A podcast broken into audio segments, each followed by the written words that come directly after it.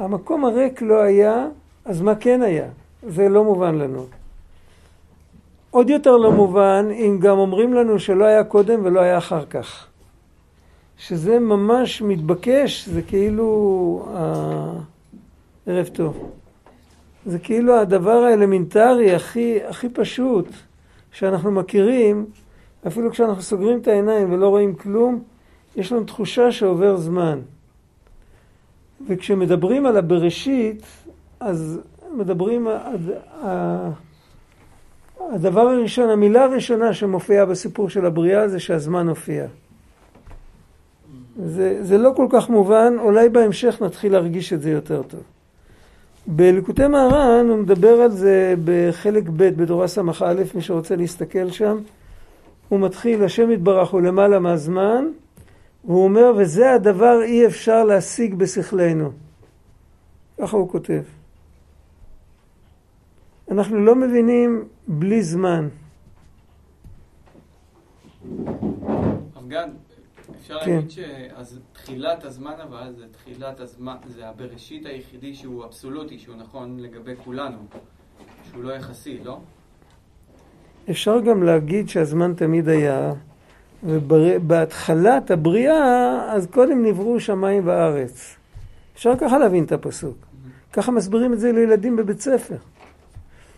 אבל הפירוש הפנימי הוא, וככה זה מופיע בספרים, אני לא המצאתי את זה, בראשית ברא אלוקים את השמיים ואת הארץ, שאלוקים ברא את הראשית ביחד עם השמיים והארץ. את זה כמו איתך, מה זה איתך? איתך, עמך. אז את זה עם. בראשית, את הבראשית ברא האלוקים יחד עם השמיים והארץ. שאלו פעם את המגיד, התלמיד הגדול של הבעל שם טוב, המגיד ממזריץ', שאלו אותו אם השם כל כך חפץ בבריאת העולם, למה הוא לא ברא אותו קודם? שאלה מכשילה. אז הוא אמר כי לא היה קודם. מה פירוש למה הוא לא ברא? לא היה קודם.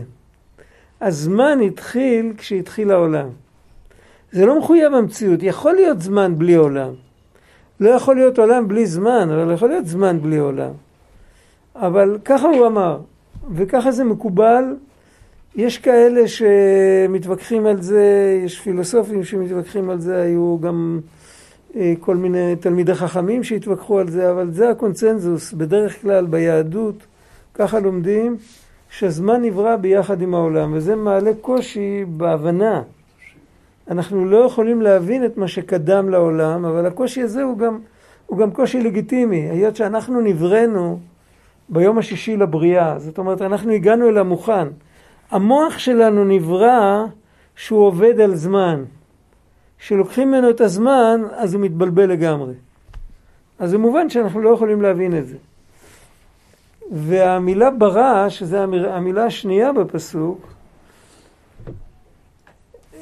אנחנו לא משתמשים בה הרבה. חשבתם על... אה, אנחנו מדברים על פס ייצור, נכון? מייצרים דברים. ראיתם פעם בית חרושת איזה מפעל תעשייתי שבורא דברים? זה לא בלקסיקון שלנו. כי בריאה זה יש מאין. כי לא? בריאה זה יש מאין, וזה מופיע בקדמונים, זה מופיע ברמב"ן, שהוא חי לפני למעלה מ-750 שנה. והוא כותב שאחד מיסודות האמונה שלנו זה להבין שהאלוקים ברא את העולם מכלום.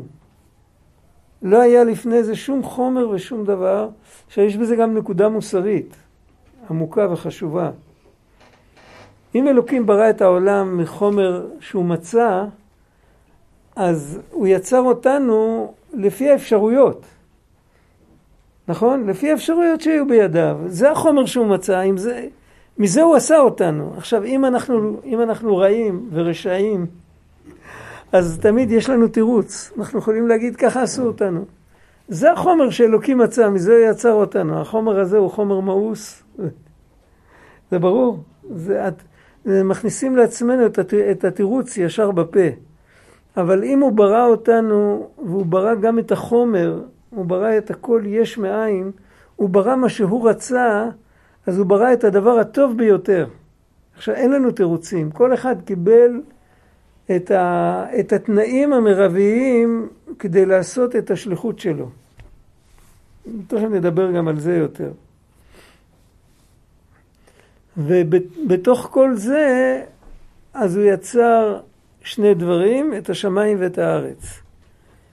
אה, עוד מוסיף הרמב"ן שם באותו, באותו פסוק, הוא כותב, התורה מדברת כאילו שהיא מדברת אך ורק על העולם הפיזי, אבל היא מרמזת על העולם הרוחני. כשמדובר בפסוק על בריאת שמיים וארץ, מדובר על רוחניות וגשמיות וגם על שני כיוונים. מוכר הפסוק בתהילים, אם אשק שמיים ואציע שאול, מוכר? זה כיוון, שמיים זה כיוון וארץ זה כיוון. ויש ב, ב, בהמשך, ב, בפרשת ויצא, יעקב פוגש סולם שמוצב ארצה וראשו מגיע השמיימה. שם רואים שזה כיוון. לא כתוב שהוא מוצב על הארץ, אלא ארצה. ארצה זה כיוון, כמו תל אביבה. זה ברור? והשמיימה זה כיוון. ומי זה הסולם הזה? יעקב ראה את עצמו בחלום. הסולם זה אנחנו. כל אחד מאיתנו זה סולם שיש לו כיוון אחד לארץ, כיוון אחד לשמיים. זה שני הדברים שנבראו, שני הכיוונים שנבראו.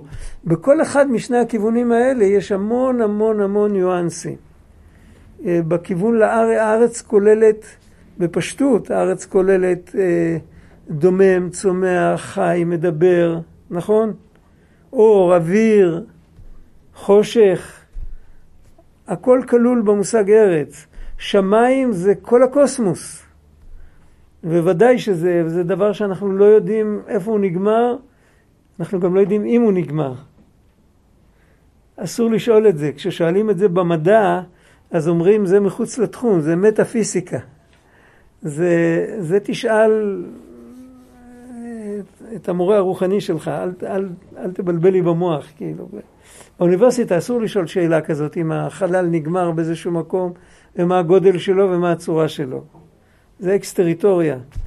אבל על כל פנים, זה כולל בתוכו ריבוי פרטים עד אין קץ, וכל ה, הגודל הזה, אז זה נברא מיד ביום הראשון של הבריאה. זאת אומרת, יש פוטנציאל אחד ששמו שמיים, פוטנציאל אחד ששמו ארץ, והפוטנציאל הזה, הרמב"ן אומר, הוא מביא, הוא, הוא, כותב, הוא כותב שזה מילה יוונית. הוא כותב את המילה היולי. המושג היולי ביוונית זה משהו אה, ארטילאי שכולל בתוכו המון ניואנסים בכפיפה אחר כך הוא מתפרט ומתפרד ובהמשך רואים אותו. למה הוא מתפרד? הוא מתפרד כמו בהמשך הסיפור של בראשית, יש את הנהר שיוצא, זוכרים את הסיפור? נהר יוצא מעדן להשקות את הגן ומשם ייפרד והיה לה ארבעה ראשים. אותו דבר ביום הראשון של הבריאה, שמדובר על הארץ, זה מתפרד לארבעה ראשים, שזה דומם צומח חי מדבר, וגם כשזה בשמיים, אז זה מתפרד לארבעה אותיות של שם י"ק ו"ק. וזה צריך להסביר הרבה באריכות אה, מה הכוונה בכל הדברים, אבל קודם כל בואו בוא, בוא נראה את שני הכיוונים. יש לנו כיוון אחד לשמיים וכיוון אחד לארץ. מה זה אומר שני הכיוונים האלה? יש בליקוטי מהר"ן, יש איזו תורה, שהתורה, הבאתי את הליקוטי מהר"ן, חשבתי אולי אני צריך לקרוא בפנים, אולי, אני לא יודע.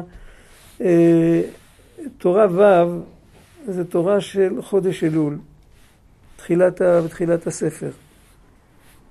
אה, מי שיש לו זמן וכוח אה, יכול לקרוא אותה. אלול זה עוד מעט. אנחנו עוד 40 יום ראש השנה, מה, מהיום בערב. בעצם מהיום. כן. מהיום בערב, כן. בדיוק יום שלישי, מה, שלישי ורביעי זה ראש השנה? לא. שני ושלישי זה ראש השנה. ראשון זה ערב חג, כאילו. כן. אז אה, שם הוא מסביר שיש, האדם בנוי על רצו ושוב. איפה זה מופיע הביטוי הזה? בחזקאל. והחיות רצו ושוב, זה כתוב על המלאכים. אבל אנחנו, אנחנו לא מלאכים, אבל אנחנו, יש לנו חיות. אפשר לנקד את המילה חיות טיפה אחרת. החיות היא רצו ושוב. יש לנו געגועים, יש תנועה אחת בנפש שיש לה געגועים, ראשו מגיע השמיימה. ואצל כל אחד זה נראה אחרת. יש כאלה שיש להם את זה בטבע. הם נולדו עם זה כי יש להם נשמה גבוהה והגוף לא מסתיר כל כך. ויש כאלה שיש להם את זה בטבע, אבל הטבע מסתתר מאחורי מריחה גדולה של אה, בדרך כלל הפרעות סביבתיות. זה לא, הגוף לא אשם, הגוף הוא, הוא משהו נוטרלי. אבל כל מיני הפרעות סביבתיות שבעברית קוראים להם הסחי דעת. יודעים מה זה הסחי דעת? שבן אדם חי, אה, עם, הוא מתפרס לכל מיני כיוונים, אה, כאילו, מה יגידו עליי? מוכר? אה, מי אוהב אותי? מה יחשבו עליי? מה זה? כל מיני הדברים האלה מבלבלים, מרעישים, מפריעים לנשמה להרגיש את הכיסופים. מפריעים לתודעה להרגיש הכיסופים של הנשמה. אז יש, וצריך לשים את כל הדברים האלה בצד, על זה הוא מדבר שם בתורה, הוא מדבר על זה שבן אדם צריך, אה, כשמבזים אותו, הוא צריך לשתוק. אני הכרתי בילדותי אה, אדם זקן, הוא עד זקנה ושיבה עוד עבד בסולל בונה של פעם, עם, עם טוריה ומכוש ומריצה. ככה עבדו אז, במפעל, במפעלי ים המלח. הוא יהודי יקר, הוא כל הזמן למד משניות בעל פה. יודע את כל המשניות. יהודי מאוד מיוחד. ולפעמים הוא תמיד היה שותק. היה שתקן. לפעמים היה פותח את הפה והיה אומר משהו, היה אפשר לשמוע, היה המון מה לשמוע ממנו. פעם אחת הוא אמר, אה, אני זוכר בתור ילד, הייתי ילד בן 13, הוא אמר, אם מישהו מבזה אותך, אתה צריך להגיד לו תודה. אז אנחנו הסתכלנו עליו, היינו ילדים, כאילו, מה, מה הדבר הזה? למה להגיד לו תודה? אז uh, הוא אומר, הוא חוסך לך עבודה. לכאורה למה בן אדם צריך לבזות את עצמו? אז מסבירים המפרשים של אלוקותי מהר"ן, מסבירים שהכוונה היא שהאדם צריך כל יום לעשות חשבון נוקב איפה הוא נמצא בעולם ואיך הוא יתנהג. ובחשבון הזה הוא מתבייש. החשבון הזה בשבילו זה ביזיון. הוא רואה את עצמו בריא, הוא רואה שהפנים שלו לא נקיות. בדרך כלל אנחנו לוקחים סמרטוט, מתחילים לנקות את הראי. כן, מה, אני לא נקי? זה השם וזה השם וזה ה... יש שיר, שיר ישן בקול אשמה החברה, שיר רוסי ישן. זוכרים את זה? איריסים. אשמה החברה היה. לא? בקול אשמה החברה. אני כבר לא זוכר את המנגינה. איבדנו כל אשר היה. כן, איבדנו את כל מה שהיה, את כל אשר היה, כן. ולא ישוב עוד לעולם. איבדנו גם את השיר הזה, כי הצעירים לא מכירים אותו.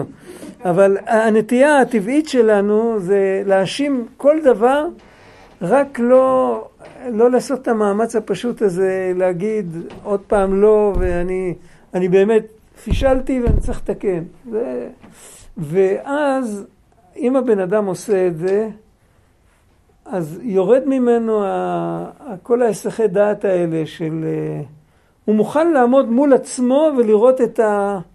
הוא לא מטייח, הוא לא אומר, וואי, אף אחד לא ראה. מוכר? אף אחד לא יודע, מה אכפת לך? מכירים את הדו-שיח הזה? מי ידע?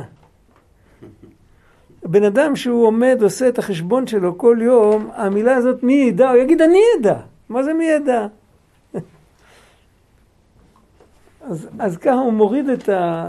ושהוא כותב שזה עיקר התשובה.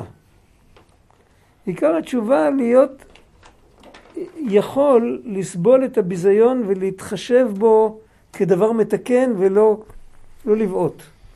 בדרך כלל אם בן אדם עושה חשבון נוקב, וזה לא מוצא חן בעיניו, אז יותר הוא לא יעשה חשבון. הוא ישבור את הראי. הראי מראה לי דברים לא... אני יודע מה אני אראה שם. זה קורה לאנשים שמזדקנים, תשאלו אותי. שמתחילים להיות לבנים בכל זה, אז לא רוצ... מפסיקים להסתכל בראי, יודעים מה יראו שם, לא רוצים לראות את זה. רוצים להישאר צעיר כל הזמן. זה טבע כזה. יש את זה גם אצל ילדים אפילו. להסתכל בראי כל יום לפני שהולכים לישון, לראות את הטוב ולראות את הרע. על הטוב להגיד תודה, ועל הרע לבקש שיותר, נזכה שיותר לא נעשה את זה. זה, זה, זה משחרר את הראשו מגיע השמיימה. ברור, דיברנו על מבנה, זה, אני חושב שזה מאוד ברור הדבר הזה. מה אמרנו עכשיו? יש לנו סולם שראשו מגיע השמיימה ואנחנו בכלל לא יודעים שהוא שואף לשמיים. אם אנחנו כל יום ננקה את עצמנו כמה שאנחנו יודעים, הדבר הזה יתחיל להתגלות בתוכנו. אנחנו נתחיל להרגיש אותו. דבר נוסף, יש לנו את המשיכה כלפי מטה. סולם מוצב ארצה. ארצה זה קריאת כיוון, לארץ, יותר נמוך ויותר נמוך. בזה יש שני ניואנסים. הוא כותב שם, הוא כותב, זה נקרא וחיות רצו ושוב. הוושוב זה הירידה למטה. בירידה למטה הוא אומר, צריך להיות בקיא. צריך להיות בקיא גם בעלייה וצריך להיות בקיא גם בירידה. אנחנו מכירים את הסיפור על אלה שעלו ולא, והשתגעו ולא חזרו. מוכר? מוכר הסיפורים האלה. מה? פרדס. כן, ארבעה שנכנסו לפרדס. אנחנו גם מכירים הרבה הרבה שירדו למטה והשתגעו למטה. למטה משתגעים יותר מאשר למעלה. צריך לדעת איך לרדת למטה. זה אפשר, אפשר להסתכל בתנ"ך, יש המון פסוקים, כל ספר תהילים מלא עם פסוקים של אה, געגועים לאלוקים, וצמאה לך נפשי, וכל מיני, אליך השם נפשי אשא. ומצד שני, יש לנו בתנ"ך, באותו תנ"ך עצמו, אה, לא לתוהו בראה, לשבת יצרה, אה, פרו ורבו, מילאו את הארץ וכבשוה. זה ברור? למען תחיה וחיית ורבית כל הימים על פני האדמה, למען ירבו ימיכם וימי בניכם. פה, פה אומרים לך, אליך השם נפשי אשא, וצמאה לך נפשי, ואת, ופה אומרים לך, לא, תישאר, תהיה. מה זה שני הכיוונים האלה? אז צריך להבין, יש איזה הרבה הרבה כתבו על זה, הרבה. היה, היה צדיק ירושלמי אחד שנפטר שנתיים לפני קום המדינה, הוא, קראו לו רבי אהרון רוט, הוא היה מהקנאים הגדולים, ההונגרים. מי שמע את השם שלו? לא שמעתם? הוא כתב המון ספרים. וספר אחד קטן של שירים הוא כתב בערי חברון בתרפ"ד. הוא לקח לעצמו פסק זמן, הלך להרים, ישב שם כמה שבועות, וזה עוד היה חמש שנים לפני תרפ"ט. בתקופה ההיא הערבים לא נגעו לרעה באף אחד, יכלת להיות לבד לגמרי כל הלילה שם, אף אחד לא יסתכל עליך. והוא כתב ספר מלא שירים ועם הקדמה נפלאה, כבר לא זוכר איך הוא קרא לזה, עבודת הבורא או משהו כזה, אני לא יודע. ספר ישן. ושם הוא כותב משל על מלך, הוא מתאר את המלך, רואים שזה הקדוש ברוך הוא, ממש, מתאר את המלך כל כך יפה, והמלך שולח את הבן היחיד שלו למקום הכי רחוק, גם הכי רחוק גיאוגרפית וגם הכי רחוק מנטלית. במקום שאנשים, לא מעניין אותם כלום, כאילו, כולם הולכים אחרי הבצע ומפנים עורף. ואז הבן צריך לעשות שם שליחות ולקדש את המקום הזה. וזה הסיפור שלנו. אבל מצד שני, תלוי איך אנחנו עושים את זה. אם אנחנו תופסים טרמפ, יופי. שלחו אותנו למקום רחוק, גם אנחנו נעשה מה שאנחנו רוצים. באותו רגע אנחנו, אנחנו יכולים שם להשתגע למטה.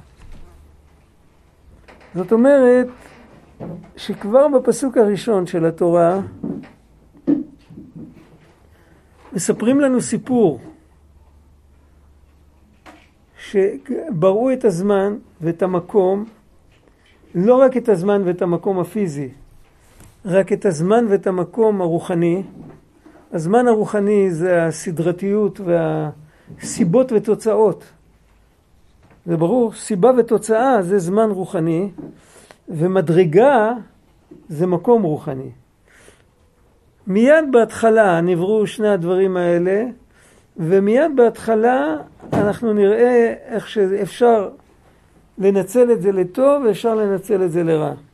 תכף, על ההתחלה, מה הפסוק הבא? אחרי ברא אלוקים את השמיים ואת הארץ, מה כתוב אחרי זה? טוב ובוהו.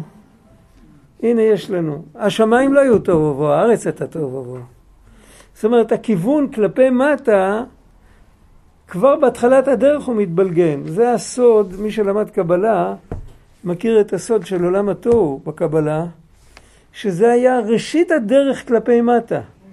האור האלוקי שמתחיל לרדת, הוא איכשהו מתחיל לקבל ניואנסים, ויש כבר חסד ודין ורחמים ונצח והוד ויסוד, איך שמתחיל להיות, זה מתחיל להתפרד, אז מיד כל אחד רוצה להנהיג וכל אחד רוצה למשוך לכיוון שלו, והכל מתפרק, וזה, וזה הופך להיות תוהו ובוהו. אז זה מיד בהתחלה. זה נגזר תהייה ובהייה. מה? נגזר מזה תהייה ובהייה.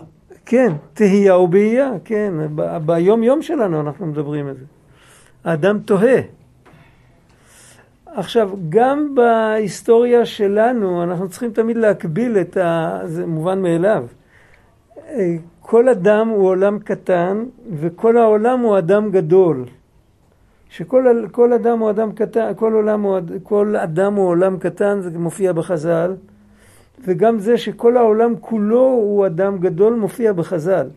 יש שם, כן, זה מופיע, קודם כל זה מופיע בקבלה, אבל זה מופיע בחז"ל באנלוגיה כזאת, אה, לארץ יש, אה, אה, כאילו, לארץ, בארץ יש יערות, לאדם יש שערות, לארץ יש עיניים, גם לאדם יש עיניים, עין הארץ, זה מביא איזה פסוק, ויכס את עין הארץ.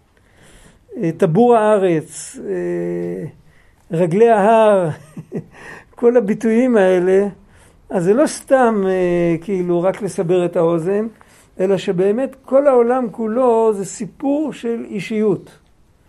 וגם כשבן אדם נולד, אז בהתחלה הוא נחמד. הוא אין... אה, מי שלמד פעם את הפסיכולוגיה של התינוקות בימים הראשונים שהם נולדו, אני לא יודע עד כמה זה מדויק, כי לך תדע, אי אפשר לדעת. אבל uh, מה שהם טוענים, שאין הפרדה ביני לבין העולם. כאילו, אם אני מחזיק משהו ביד, זה כמו הערכה של היד שלי, אין שום הבדל, אני, אין אני. יש אני, להפך, אה, קרובים יותר לאני, אבל זה, זה אני הנקי, זה לא אני המבולגן. האני, מה שהפסיכולוגים קוראים אני, זה הסך הכל של מה שאני זוכר, מה שאני יודע אודות עצמי, לזה קוראים אני. זה לא אני באמת, אבל uh, על הילד עוד אין את זה. אבל איך שהוא מתחיל לקבל את זה, ואז יש שניים, האלוקים עשה את האדם ישר, והמה, המה זה לשון רבים, המה ביקשו חשבונות רבים, מתחילים כבר להתחשבן. הוא לקח לי, הוא עשה לי, הוא זה, יצר לב האדם רע מנעוריו, משעה שננער לצאת ממעי אמו. כל זמן שהוא עוד קטן, אז הוא עוד כמו בתוך, בתוך הבטן של האימא, הוא עוד לא, כאילו, עוד לא, עוד לא, הוא מבחינת עובר. אבל ברגע שהוא מקבל עצמאות, אז הוא מיד מתחיל לריב עם כולם. זה חזרה גנרלית על, על עולם התוהו. הארץ, הארץ הייתה תוהו ובוהו, וגם למה, למה שואף הילד? ילד קטן, הוא... ילד נולד ככה. בן אדם מבוגר, כשהוא נפטר, הוא נפטר עם הידיים ככה. הוא לא נפטר ככה, נפטר ככה. ידיים פשוטות, כאילו הוא מניח את הכל. כשילד נולד, הוא נולד ככה. רצון לקבל. כן, הוא תופס את כל העולם, הכל שלו, הכל... אה. הארץ הזאת היא הייתה תוהו ובוהו, וצריך לתקן אותה. איך מתקנים אותה? אז כי יש כאן המשך של התיאור. תוהו ובוהו וחושך על פני תהום. המילה תהום זה גם מזכיר את המילה, כך כתוב פה אצל רבי נחמן. ותהום כל העיר, ויאמרו הזאת נעמי, גם בתנ"ך. זה כאילו תהייה. הארץ והחושך היה על פני התהום. אתה תוהה ואתה מחפש פתרון לחידה, העולם מציג בפניך חידה ענקית, אתה תוהה ואתה רואה חושך. איפה שאתה הולך אתה רואה רק חושך. אתה לא רואה, אתה לא, לא מצליח להתחבר. אבל רוח אלוקים מרחפת על פני המים. יש אה, איזה מקיף, מקיף תודעתי, משהו שאתה לא מרגיש אותו, אבל הוא, אתה מרגיש שהוא קיים, או יותר נכון, יכול להיות שאתה אפילו לא מרגיש שהוא קיים. אבל אם מישהו יבוא ויגיד שהוא לא קיים, אז ידלקו לך כמה נורות אדומות במוח. אתה תגיד, זה לא יכול להיות. זה הסוד של האמונה, הרבה הרבה בהיסטוריה, הרבה שנים, בעת החדשה, בתקופה המודרנית האחרונה, הרבה הרבה, היה איזה כמה עשרות שנים טובות, שרוב האנושות בכדור הארץ סיפרה לעצמה סיפור, זה היה הדחקה כזאת, שהם לא מאמינים באלוקים. איך אמר קרל יונג? כל האנושות מאמינה, חלק בהכרה וחלק בתת הכרה. אבל כולם מאמינים, אין אדם שלא מאמין, האדם בנוי ככה שהוא מאמין באלוקים. הוא היה אדם דתי, אז אפשר תמיד להתווכח איתו, זה ברור. הוא... אבל, אבל זה האמת. מאיפה אנחנו יודעים שזה האמת? כי בסוף הכל חזר. הכל חזר. היום אם תעשו את הסטטיסטיקה, תקבלו מספר הפוך מה שהסטטיסטיקה שהייתה לפני 50-60 שנה. זה עובדות, זה מספרים. עשו את זה. זאת אומרת שהרוח אלוקים מרחפת על פני המים, שתמיד, גם עובדי עבודה זרה, הם האמינו, אה? רצית משהו להגיד? אה, חשבתי, סליחה. גם עובדי עבודה זרה האמינו במוחלט שנמצא מעבר לכל ה... לכל, אני לא יודע כמה, המאה אלף שהם האמינו בהם. שכל אחד האמין בכל, ה, בכל היתר, כן. אז תמיד היה, תמיד, אה, איך זה מופיע בתלמוד, דקרו לאלוהה דאלוהיה. הם, הם מאמינים, אבל זה מרחף. מה המשמעות של מרחף? המשמעות של מרחף זה כמו שאיוב אומר, הסר ידך ממני. כאילו, אל תיגע בי, תישאר למעלה, תישאר נשיא הכבוד של הפדרציה, אה, נסתדר ככה מרחוק. אה, כן, אין לנו, אין לנו... זה, זה מאיים מדי ברגע שזה... למה? כי הכל התקלקל, הכל נשבר ונפל ונחשך. עכשיו, מה התיקון של זה? זה הפסוק השלישי. הפסוק הראשון זה כמו חסד גבורה תפארת. הפסוק הראשון זה חסד גדול. הכל נברא. הפסוק השני זה דין גדול, הכל נשבר. הפסוק השלישי זה התיקון. והתיקון זה ויאמר אלוקים יהי אור. אלוקים זה עדיין מידת הדין, ויש פה עוד, עוד עד כל שבעת ימי הבריאה מוזכר רק שם אלוקים כל הזמן. רק בסוף, אחרי כל הסיפור, מתחיל עוד פעם סיפור חדש עם שם הוויה. הכל זה שם אלוקים, אבל השם אלוקים עצמו אומר יהי אור. אז זה, ונהיה אור. איזה אור נהיה? למה לא כתוב ויהי חן? בכל היתר, בכל יתר הימים, זוכרים את סיפור הבריאה בתנ"ך? כן. כתוב אה, ויהי חן. ויאמר אלוקים יהי כך וכך, כתוב ויהי חן. לא כתוב עוד פעם. אבל פה כתוב ויאמר אלוקים יהי אור ויהי אור. למה לא כתוב ויהי חן? אמר המגיד ממזריץ', אמר אה, כי זה לא אותו אור. האור שזה כמו, בואו בוא, רגע אחד נסיח את הדעת רגע מכל מה שדיברנו. כנס רגע לגן ילדים, אוקיי? עומדת הגננת היא אמורה עכשיו לספר לילדים סיפור. שהסיפור הזה נחוץ להם, היא צריכה להעביר להם איזה מסר, היא חייבת לספר את הסיפור. עכשיו, הסיפור עצמו נשגב מבינתם. היא חייבת למצוא איזה דרך איך לספר את זה לילדים. היא לא יכולה בשום אופן לספר את הסיפור ככה. מה היא צריכה לעשות? היא צריכה עכשיו לשים את כל המושגים של המבוגרים בצד ולהיכנס לתוך עולמם של הילדים, זעתותים, טרום חובה, איך קוראים לזה? היא צריכה להיכנס לתוך המוח שלהם, ואז היא צריכה לחשוב עוד פעם על הסיפור. ברגע הראשון היא צריכה לשים בצד את הסיפור לגמרי, אחרי זה היא צריכה לחשוב עוד פעם את הסיפור, אבל עכשיו כבר יש לה את הילדים מול העיניים. וכשהיא חושבת עוד פעם את הסיפור ויש לה את הילדים מול העיניים, לא רק פיזית מול העיניים, אלא גם מנטלית יש לה את הילדים מול העיניים, באותו רגע היא יכולה להתאים את הסיפור לרמה שלהם. וזה הסוד של שם אלוקים שמופיע פה. זאת אומרת, האור שאמור לתקן את החיים שלנו ואת העולם, הוא אור שמצד אחד הוא אור שהוא מעל ומעבר, רוח אלוהים מרחפת על פני המים. זה מעל ומעבר, זה מרחף, זה לא נתפס, אבל כדי שהוא יגיע והוא יאיר לנו, זה חייב לעבור צמצום. והצמצום זה המתאם שאנחנו נוכל לקבל אותו. דרך אגב, יש מדרש חז"ל, אני חושב במדרש תנחומה, אני לא זוכר את המקור, ורוח אלוהים מרחפת על פני המים, זה רוחו של משיח. יש פסוק, איפה הפסוק הזה מופיע? יחיינו מיומיים וביום השלישי יקימנו ונחיה לפניו. איפה מופיע הפסוק הזה? בנביאים אחרונים באיזה מקום. אני לא זוכר.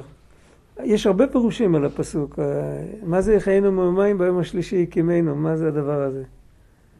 אבל אה, יש, יש מקורות שכתוב שם, אני לא יודע, יכול להיות שזה מקורות עתיקים, שיחיינו מיומיים זה פעמיים נבנה בית מקדש. בית מקדש ראשון זה יום אחד, בית מקדש שני זה יום, אחד, יום שלישי, אבל uh, בשניהם נחרבו. וכשהם נחרבו אז אנחנו כאילו מתים מה, בהקשר הזה. וצריך להחיות אותנו מהחורבנות האלה, להחיות אותנו מהיומיים האלה. ביום השלישי אנחנו, איך כתוב שם? ביום השלישי, יקימנו ונחיה לפניו. ואז כשיש לנו קשר עם הפנימיות, אנחנו, זה כבר לא יחרב יותר. זה רוחו של משיח. זה מרומז פה בפסוק השלישי. בפסוק השני מדובר על רוחו של משיח, אבל בפסוק השלישי מדובר על התיקון.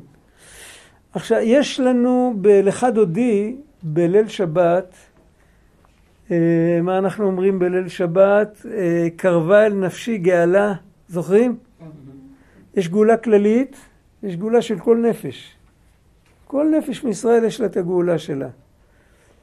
אה, כל אחד אמור להביא את המשיח שלו, וכשכל אחד מביא את המשיח שלו, המשיח האמיתי מתגלה. איך מביאים את המשיח שלנו?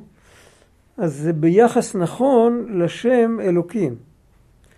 אפשר להתייחס לשם אלוקים, שזה דרך הטבע. אלוקים בגמטריה, הטבע. שם אלוקים, ואלוקים זה גם לשון רבים, זה דרך הטבע. יש חוקי טבע, יש כל כך הרבה כוחות, ומאחוריהם עומד אלוקים אחד ויחיד. אפשר לראות את הריבוי ואפשר לראות את האחדות. אם רואים את הריבוי, אז נמצאים בגלות. יש לי חבר פסיכולוג, ישבנו פעם, אמרתי לכם את זה אני חושב, ישבנו פעם כמה אנשים ומישהו אמר שמאוד מאוד אכפת לו מה חושבים עליו. אז אמר לו החבר שלי, הפסיכולוג, אמר לו, רגע, מי, אכפת לך מי חושב עליך אבל? בוא נגיד יש לך עשרים אנשים שאתה חייב להם. אתה חייב שהם יחשבו עליך טוב, אבל כל אחד הוא מישהו אחר. אחד חושב שאתה צריך להיות ככה, ואחד חושב שאתה צריך להיות ככה. אם אתה רוצה לצאת ידי חובה את כל העשרים חבר'ה האלה, אתה תיקרע לחתיכות, לא יישאר ממך כלום. זה סוג של גלות. ובגלות אין יישוב הדעת, אין... הנקודה הזאת שדיברנו בהתחלה, של לעשות כל יום את החשבון, זה נקודה, זה עוגן, זה נקודה שמחזירה אותנו לשאול את עצמנו, לעמוד מול השם, איך חייתי היום, מה עשיתי? לא רק מה עשיתי, אלא איך עשיתי, וגם, בשאלה עדינה, על איזה מוטיבציה ביססתי את המעשים שלי. למה עשיתי? זו שאלה לא פשוטה. ואם כל פעם ששואלים את השאלות האלה, אז מפסיקים להיות בגלות ולהתחלק לעשרים, כמו שהוא אמר. אני צריך שזה יחזיק ממני, וזה יחזיק ממני, וזה וזה. ו... צריך להיות הקורבט, שכולם, אה, שכולם ביחד יגידו שאני בחור טוב. זה משגע. במקום זה, ואותו דבר להפך, אה, בצד השני, בצד ההפוך, שאני לא לעשות מה שלא צריך, לא רק מתי שרואים ולא רק מתי ששומעים, ו... צריך להיות אמיתי מול השם, עם עצמי מול השם, ככה, לגמרי. זה התחלת התשובה. על זה בא, שלראות את האור גם באלוקים, גם בריבוי. לא לשכוח שיש מקור אחד להכל, והכל זה... עכשיו תראו, יש, יש משהו שרציתי להגיד בקשר לזה.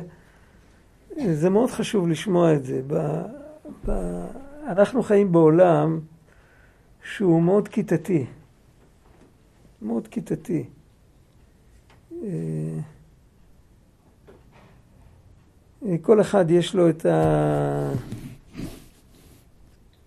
את הקבוצה שלו. בעולם הדתי זה קטסטרופה. מוכר? זה הרבי שלי, זה הרבי שלך, ורגע, ומה הוא יגיד? וכל מיני דברים כאלה. עכשיו, מאיפה זה מתחיל? זה מתחיל ממוחין דקטנות.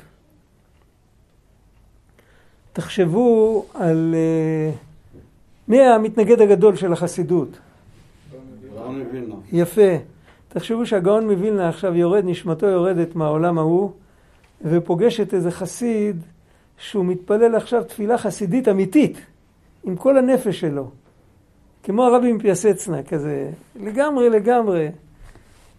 הוא יורד משם, שם אין, אה, אין מתנגדים, אין חסידים, שם יש את האמת.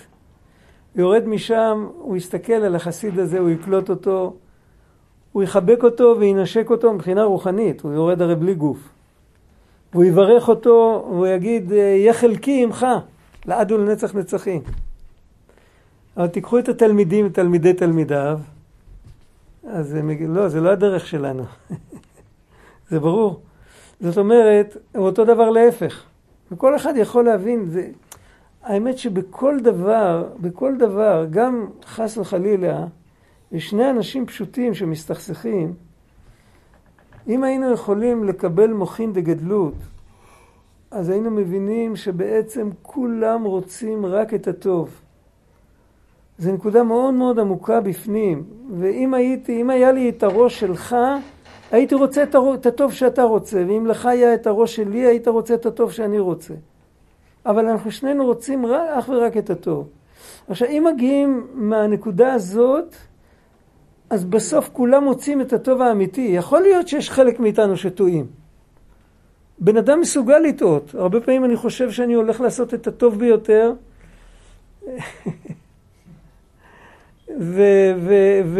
ומישהו מפריע לי לעשות את זה. פתאום מישהו נתקע, אני חייב עכשיו שיחה בטלפון, אה, להציל איזה, לא יודע מה, להציל חולה או להציל שלום בית או משהו, בדיוק נתקע לי השכן הביתה ואני לא יכול לדבר כי אסור לו לשמוע מה שאני אומר. ואחרי שהוא הולך, נופל לי האסימון שבעצם כל האינפורמציה שקיבלתי היא לא מדויקת, ובעצם מישהו עבד עליי, וטוב שלא דיברתי. ובדיוק שלחו לי אותו כדי להפריע לי לדבר. לא קורה דברים כאלה, כל בן אדם מבוגר יכול לספר סיפורים כאלה. וזה רק סיפור אחד. זה קורה סיפורים כאלה בלי סוף. למה אנחנו כל כך מהר אה, נכנסים לדינים וגבורות וכל זה, וכל הכיתתיות הזאת? זה בגלל שאין לנו מוחין לגדלות, אנחנו לא רואים את האור בתוך האלוקים. עכשיו, מה זה עושה לנו? זה עושה לנו שאנחנו נשאר, נשארים כל הזמן במקום דרוך. מוכר הביטוי הזה. כאילו לא זזים. זה... פול גז בניוטרל, לא זזים, נשארים במקום. יכול להיות שבן אדם מקבל על עצמו כך וכך מצוות, או כך וכך מעשים טובים, אבל הוא בעצמו לא זז. הוא בעצמו לא זז. הרצונות שלו, הכוונות שלו, הפנימיות שלו, הוא נשאר תקוע, הוא, הרב נריה אמר פעם, אה, במדעים אנחנו ממשיכים עד סוף האוניברסיטה, בתנ"ך אנחנו נשארים תקועים בסוף כיתה ח'. ולכן התנ"ך נראה לנו פרימיטיבי והמדעים נראים לנו מודרניים. אם היינו ממשיכים, אנחנו לא מתקדמים באמת. ההתקדמות שלנו היא לארץ, ארצה.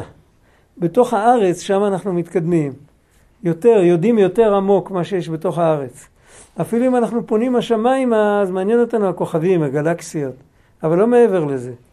אבל לראות את האור שמרחף מעבר לכל המציאות, אז זה, אומרים שבשביל הקדוש ברוך הוא שלח את הבעל שם טוב לעולם, אבל גם לפניו היה, זה ברור, תמיד היה. בעצם בשביל זה ניתנה תורה לישראל, ובשביל זה היו נביאים, ואנחנו נראה בהמשך. אדם הראשון היה אמור להיות המורה הראשון שילמד את הצאצאים שלו וגם את כל העולם. כי המקובלים אומרים שגם בעלי חיים נבראו עם רמת תודעה הרבה יותר גבוהה, מה שאנחנו מכירים אותם היום. והאדם הראשון היה אמור להיות המורה שיראה את הדרך. באמת כתוב עליו שהוא היה רואה מסוף העולם ועד סופו. זה בדיוק מוחין דגדלות. כשהוא ראה את הסוף התחתון, הוא לא שכח שיש בזה את, הק... את העליון. הוא ראה את המרחפת, הוא ראה את מה שמעבר. אבל הוא, הוא נפל והוא, והוא פספס, הוא לא עשה את העבודה שלו. אבל אצלנו, אנחנו עוד בחיים, אז יש לנו את האדם הראשון שלנו, יש לנו את האדם הראשון שנפל, יש לנו גם את האדם הראשון שיכול לקום ולהתרומם. זה, זה פחות או יותר... אה, זה היה הפסוק השלישי. אפשר להפריע לך שנייה? כן. אמרת קודם, אני לא קלטתי, לא הבנתי את זה כל כך. העניין הזה של המקיף המודע, נכון? כך קראת? איזה, איזה, איזה עניין של? המקיף המודע, אמרת. המקיף שהוא לא מודע לגמרי, הוא מודע... מה זה המקיף? מקיף מה? ה... תראה, אה, בוא נגיד ככה. אנחנו פה חברה של אנשים, אני תופס בתור דוגמה. אנחנו מכירים פחות או יותר, נפגשים כל שבוע, חלק מאיתנו נפגשים הרבה זמן כבר, אנחנו מכירים אחד את השני. עכשיו יבואו ויגידו על אחד מאיתנו שהוא עשה פיגוע. עשה פיגוע, הוא לקח קלצ'ניקוב וריסס איזה אוטובוס ועשה פיגוע. מתאים? לא. לא. עכשיו, להגיד שאני מכיר אותו, שהייתי הולך לחתום עם כל אחד פה על שותפות ולהשקיע כסף ביחד וזה, אני לא מכיר פה אף אחד עד הסוף. אבל אני יודע שאת זה אף אחד לא יעשה. זאת אומרת, בשלילה אני יכול כן להכיר אותו. לדעת למה הוא לא שייך, זה ברור. זה נקרא שבאופן מקיף, באופן מרחף, בלי להכיר, יש לי גם כן איזה ידע ברור כלפי האובייקט. אותו דבר, שבא מישהו, יכול להיות שבן אדם הוא לא תיאולוג גדול, והוא לא, לא מקובל גדול, והוא לא, לא יודע הרבה. הוא איש פשוט, כל החיים שלו עם טוריה ועם... בן אדם פשוט לגמרי. מתעסק עם כסף ועם, ועם business ועם... אבל אה, אם מישהו יגיד לו, יבוא ויגיד לו, את זה אפילו אלוקים לא יכול, אז יקפצו לו הפיוזם ויגיד לו, אתה משקר. איך, מה, מו, לא יודע, תחושה פנימית. הוא לא למד את זה באף מקום. מה האמת? האמת היא שאת כל המושג הזה כן יכול, לא יכול, זה מושגים שאלוקים ברא אותם. אבל הוא אין לו השגה בדברים כאלה. הוא אף פעם לא חשב אותיות כאלה, לא חשב מילים כאלה. אבל באיזשהו מקום יש לו, יש לו איזה, הוא מביא, הוא מרגיש את הזיוף. זה כמו במוזיקה. לפעמים אני שומע מנגינה שאף פעם בחיים לא שמעתי, אף פעם בחיים לא שמעתי אותה. מציק לכם השמש? לא, להפך. אה, זה שמש כבר יותר מאוחרת. כי יש פה וילון. לא, לא, לא. אני שומע מנגינה שאף פעם לא שמעתי אותה, ואני אומר, זה לא יכול להיות, זה מזויף. אתם מכירים תחושה כזאת? אף פעם לא שמעתי את זה. אני אומר, זה זיוף. למה? כי עמוק הנפש יודעת מה נכון. כן? אז זה היה בפסוק השני, שם זה מרחף. הפסוק השלישי צריך לתקן את זה, שזה ירד לתוך, לתוך המציאות שלנו. שנוכל לחיות עם זה. וביום השלישי יקימנו, איך כתוב? יקימנו ונחיה לפניו. שנוכל לחיות עם, ה, עם הכוח הזה. אז זה חייב לעבור צמצום. זה הסוד של מתן תורה. הביטוי ביום השלישי מופיע במתן תורה. ויהי ביום השלישי בהיות הבוקר, כתוב היו קולות וברקים וענן כבד על ההר. זאת אומרת, הם ראו את החושך, אבל מתוך החושך אלוקים מופיע. וככה הוא כותב בליקוטי מהר"ן, הוא כותב, משה ניגש אל הערפל אשר שם האלוקים. משה היה לו דעת, היה לו מוחין דגדלות. איפה שהוא ראה ערפל, הוא אמר, שם האלוקים.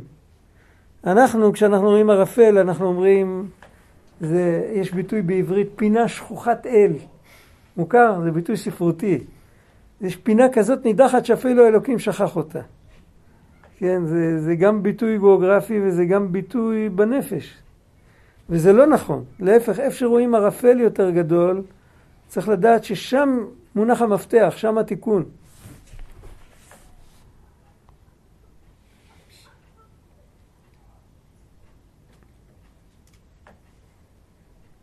מה הפסוק הרביעי? הפסוק הרביעי הוא פסוק קשה להבנה.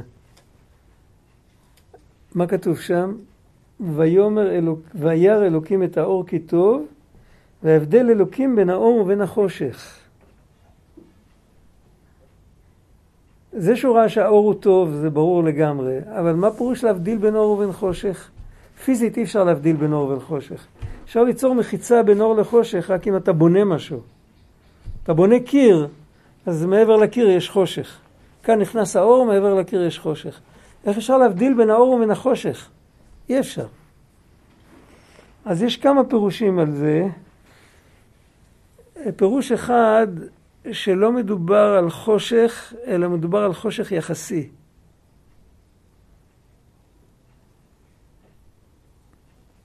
אה,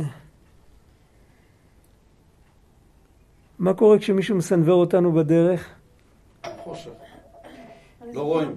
אנחנו לא רואים, אנחנו מפמפמים לו עם האור שהוא מסנוור, שיוריד את, ה, שיוריד את האורות. זאת אומרת, יש לפעמים שדווקא האור חשוך יותר, הוא יותר מתאים לנו מאשר האור הגדול. והאור הזה צריך לסנטז אותו מתוך האור הגדול. זה קבלה, מה שאמרתי עכשיו. בקבלה כתוב שהאור האינסופי לא נותן מקום לעולם, והוא מסתלק לצדדים, ונוצר חלל, אבל אל תוך החלל הזה ממשיכים אור שהוא נקרא קו. הוא נקרא חוט. האור הזה הוא מתאים. אז האור הזה הוא יחסית לאור ההוא, הוא חושך. אבל הוא היה כלול בתוכו ועכשיו הוא נולד. זה כמו להבדיל בין האימא לבין הילד, שהילד נולד. הם ממשיכים להיות קשורים, אבל עכשיו הילד הוא כבר עצמאי, הוא כבר משהו בפני עצמו. יש לו משמעות כבר. כל זמן שהאור הזה כלול באור העליון, אין לזה משמעות. אז זאת אומרת, יוצא לנו שיש מציאות של חושך, שזה לא ממש חשוך, זה חושך יחסי. אז למה קוראים לזה חושך? כי יחסית לאור אינסוף זה חושך. כי יש בפוטנציה, אם נמצאים באור הזה, אפשר לרדת, אפשר להתעלם ממנו ולהיות בחושך. אם היינו כלולים בתוך האור הגבוה והגדול, לא היה לנו אופציה להיות בחושך. חשיכה זה גם האותיות שכחה. בן שנמצא בתוך, בתוך עמוק בתוך הסיטואציה, לא שייך אצלו לשכוח. אבל ברגע שהוא, יש לו רק חוויה מעומעמת, אז הוא יכול לשכוח אותה. וזה השורש של הבחירה. אז שימו לב איזה יופי, ויבדל אלוקים בין האור ובין החושך, זה השורש של ראה נתתי לפניך את החיים ואת המוות, את הטוב ואת הרע, ובחרת בחיים. זה הבדלה שאנחנו עושים, אם אין דעת הבדלה מניין. למה אומרים הבדלה בכונן הדעת? כי אם אין דעת הבדלה מניין. אבל ההבדל, האדם בין הטוב להרע, השורש שלו זה ההבדל אלוקים בין האור ובין החושך.